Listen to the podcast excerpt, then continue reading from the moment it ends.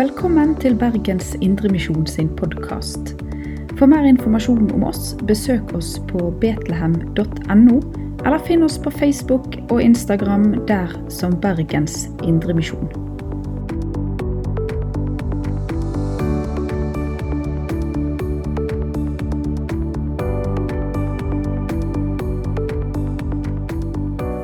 Velkommen til gudstjeneste. Sjette søndag i påsketiden. Og i denne vandringen som påsketiden representerer frem til Kristi himmelfartsdag og pinsen, det er en undervisningstid for disiplene.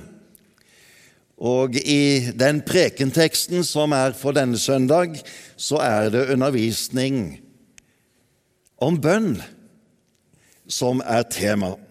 Og det er et meget kjent ord ifra Jesu bergpreken som er eh, teksten for i dag. Og der står ifra kapittel 7, vers 7 til 11 skal vi lese. Be, så skal dere få.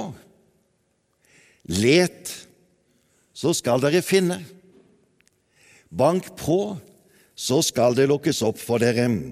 For den som ber, han får, og den som leter, han finner. Og den som banker på, skal det lukkes opp for.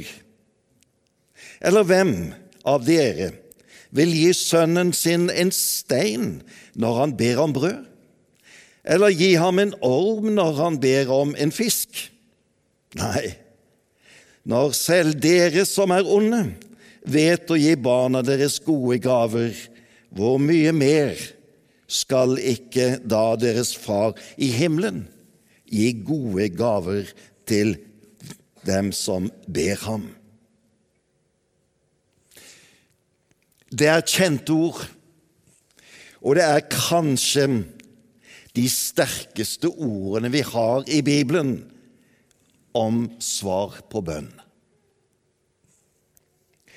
Tre korte, konstaterende setninger. Be, så skal du få. Let, så skal du finne. Bank på, så skal det lukkes opp for dere. Ordene uttrykker en ufattelig tillit til bønn og Guds svar på bønn. Og samtidig må vi nok ærlig si det, og vi har kanskje også møtt det i samtale med andre, at disse ordene kan også skape både tvil og anfektelse. Vi har jo bedt og ikke fått svar. Vi har jo søkt, men ikke fått svar på våre henvendelser. Så også denne siden ved erfaringslivet hører med eller klinger med når denne teksten lyder. Og Samtidig så er det helt tydelig at disse ordene fra Jesus har som hensikt å skape tillit til vår himmelske Far, som gir gode gaver til dem som kommer til ham. Så la oss nå prøve å stige inn i denne bønnens tillit og denne bønnens verden, som noen har kalt det, og hva dette innebærer når vi henvender oss til vår himmelske Far. Og Det er altså en tekst fra en undervisning som Jesus har for sine disipler. Bergprekenen er ord om disipler og disiplers liv. Og inni denne bergprekenen så omtaler Jesus bønn flere steder. Og det er altså en tale til disipler. De som har hørt Jesu tale, som sammenfattes i overskriften 'Omvend dere, for himmelriket er kommet nær'. Og de har hørt, og de har fulgt Jesus. Og himmelriket er blitt deres. Og disse disiplene kjennetegnes ved noen trekk som denne talen av Jesus i bergprekenen da forteller oss om. Hvem er disse disiplene? Jo, vi kjenner dem ved navn, men hva er det som karakteriserer dem? Og innledningen til bergprekenen, de første versene der, som vi kaller de ni saligprisningene, gir oss en slik karakteristikk av hvem disiplene er, og hva som preger deres sinn, tanke og liv. Og Det som på en måte er overskriften over disippellivet, det er de er fattige i ånden. Hele talen innledes på denne måten. Salige er de fattige ånden, for himmelriket er deres.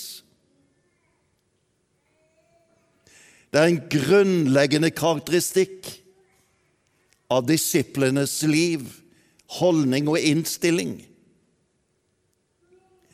Og så kommer det en rekke beskrivelser i dem. De sørger. De er ydmyke. De hungrer og tørster etter rettferdighet. De er barmhjertige. De er rene av hjerte. De skaper fred, og samtidig er de forfulgt i denne verden.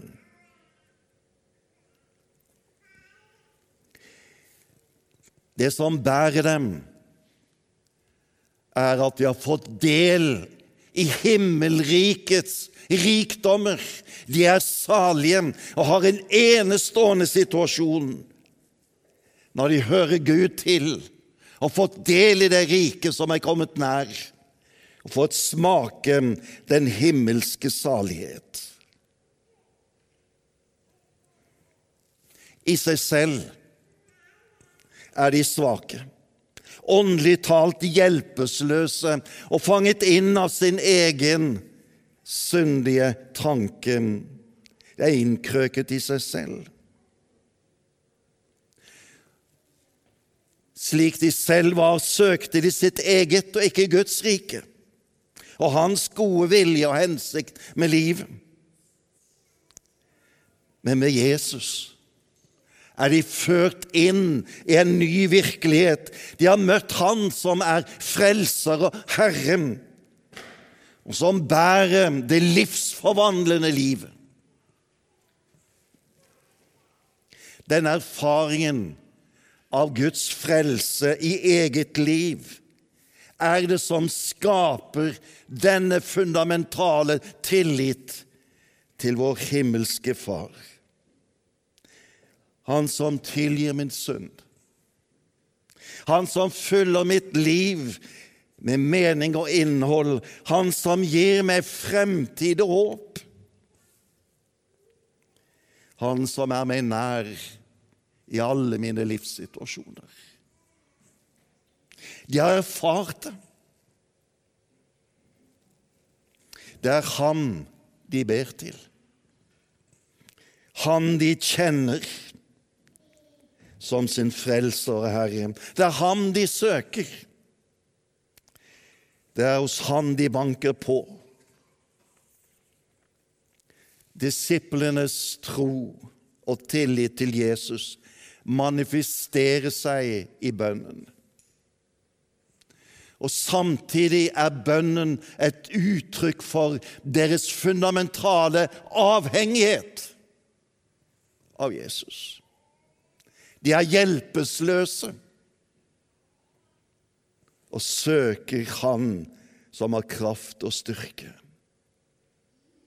Så i bønnen kommer deres svakhet til uttrykk.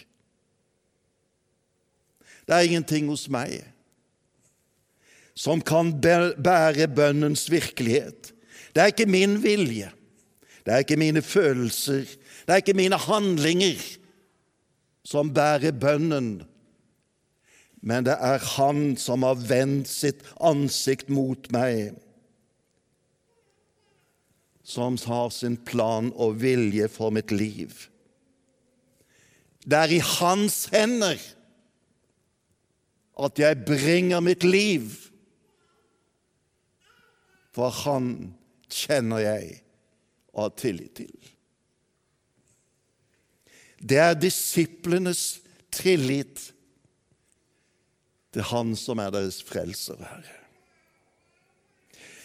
Og så tar Jesus det i denne talen inn i noen sider ved det som vi kan kalle bønnens verden. For de, de ordene vi har lest i sammen, er ikke de eneste ordene i bergprekenen som omhandler bønn. Det er en rekke andre ord også som er med på å åpne dører og innsyn i denne bønnens verden. Det første som Jesus sier tilknytter bønn, har sitt utgangspunkt i at disiplenes liv i verden vil være preget av det som han sier allerede i vers 11 i denne prekenen. Ja, salig er dere når de for min skyld håner og forfølger dere, lyver og snakker ondt om dere på alle vis. Gled og fry dere, for stor er lønnen dere har i himmelen. Slik forfulgte de også profetene før oss. Og så vender Jesus tilbake til denne situasjonen. Litt lenger ut i samme kapittel, og i vers 44 hører vi disse ordene. Og be for dem som forfølger dere. Be for dem som mishandler dere.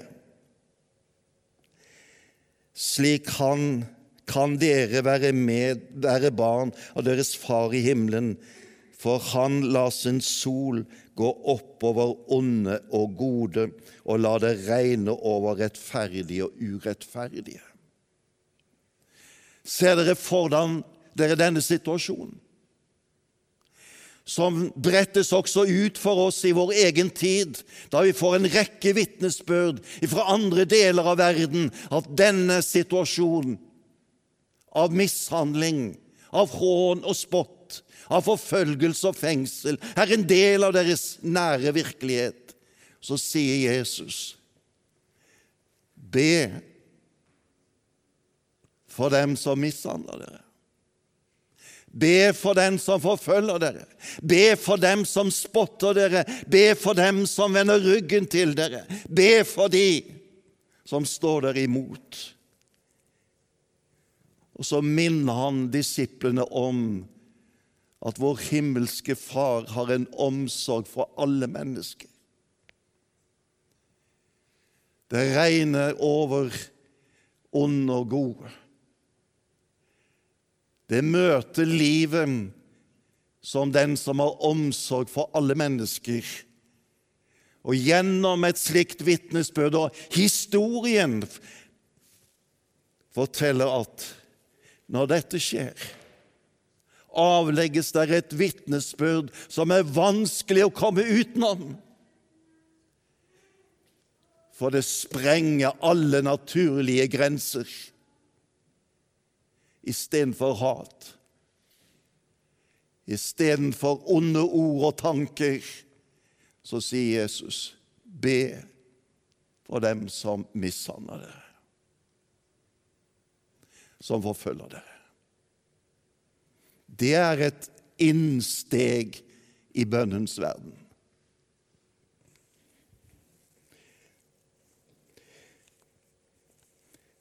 Og Jesus fortsetter å omtale denne bønnens verden videre i kapittel 6.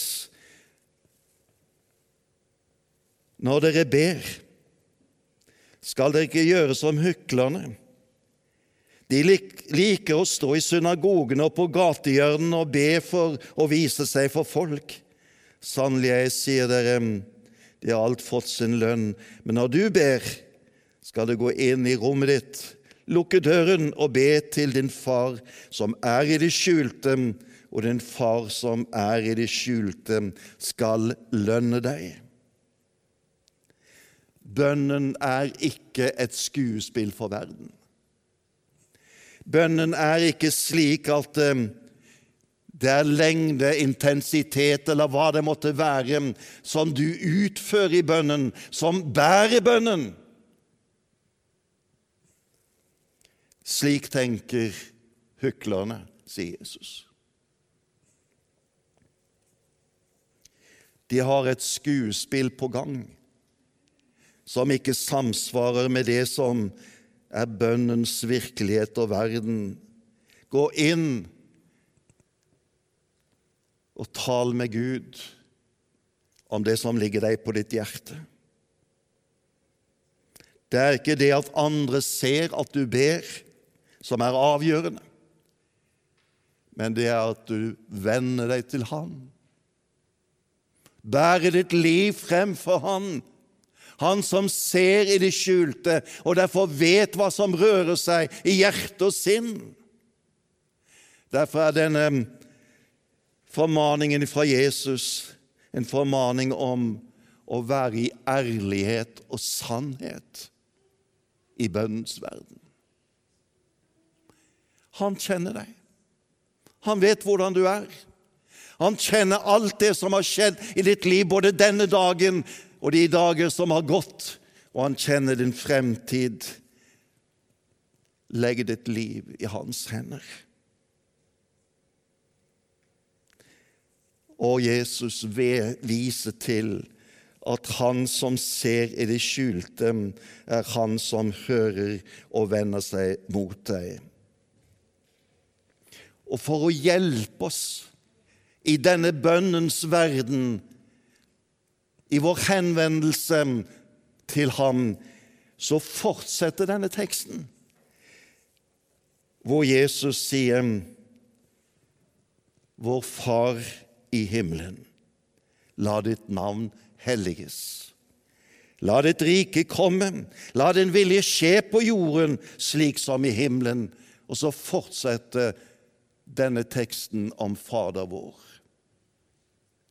som leder oss inn i denne bønnens virkelighet, som vender seg til Ham, og som først og fremst ber Herre, må du bli helliget imellom oss. Må ditt navn bli stort imellom oss. Må din vilje skje på denne jord slik som i himmelen.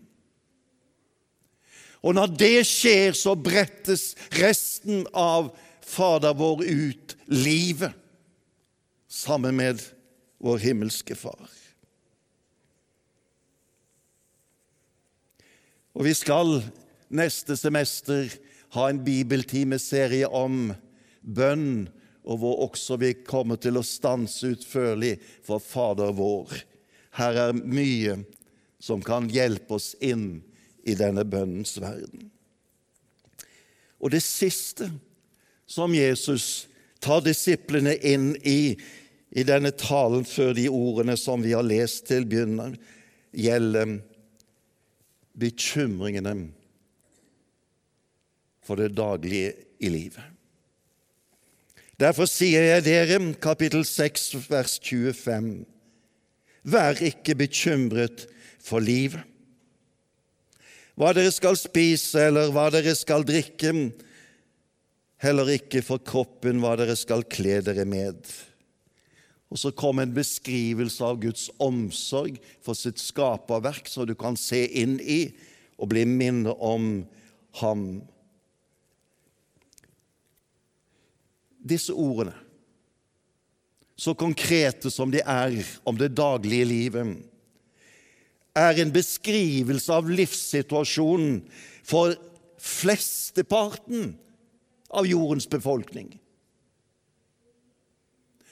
Og Ser vi historisk på det, går tilbake igjen, så har dette vært en situasjon som har preget de aller fleste opp gjennom historien. Bekymringen for det daglige. Vi lever i en velstandstid. Vi lever i en situasjon med økonomisk overflod og kjenner kanskje lite til akkurat disse eksemplene, men det kan være andre ting i våre liv, vår daglige liv, som skaper bekymring. Og så sier Jesus til de som bærer denne bekymringen, men den Far dere har i himmelen, vet jo at dere trenger til dette. Han dere ber til, han vet jo om det livet som dere lever, og de erfaringer dere gjør, og de utfordringene som kommer der. Han kjenner det. Han som elsker deg, har gitt sitt liv for deg.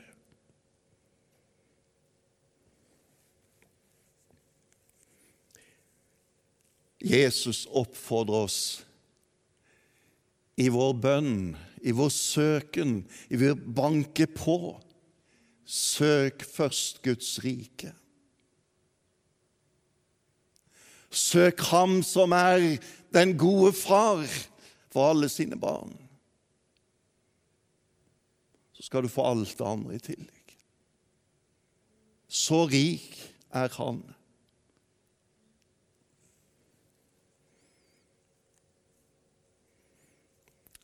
Tilbake til teksten vår som var utgangspunkt, for den kom imot slutten av denne bergprekenen.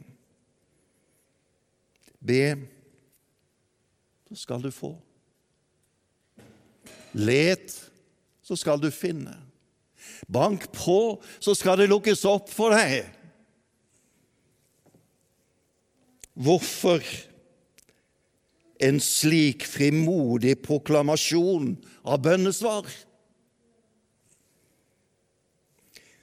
Svaret er enkelt. Vi vender oss mot Han som vet hva vi trenger til, som kjenner oss ut og inn. Vi vet hvem vår himmelske Far er.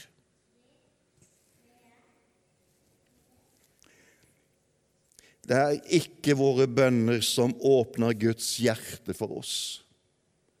For Guds hjerte er åpnet for oss. Lenge før vi har formulert et eneste ord, så er hans hjerte vendt mot oss. Et hjerte som er full av omsorg, av kjærlighet, av nærhet, av tanker og planer for ditt liv er vår himmelske Far.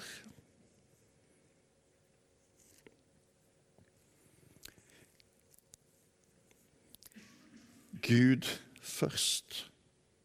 Hans rike først. La ditt navn holdes hellig. La ditt rike komme. La din vilje skje på jorden som i himmelen. Og det ypperste uttrykk for bønnens tillit til Gud er følgende ord Skje din vilje.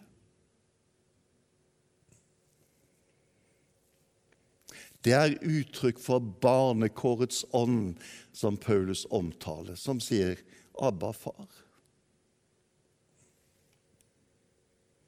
Slik ba Jesus i Getsemane. Da han lå der ensom i angst for det som skulle komme. Ikke som jeg vil, men som du vil. Og så åpnes himmelens porter gjennom denne bønnen. Slik at du og jeg skal få lov til å gå inn i hans salighet.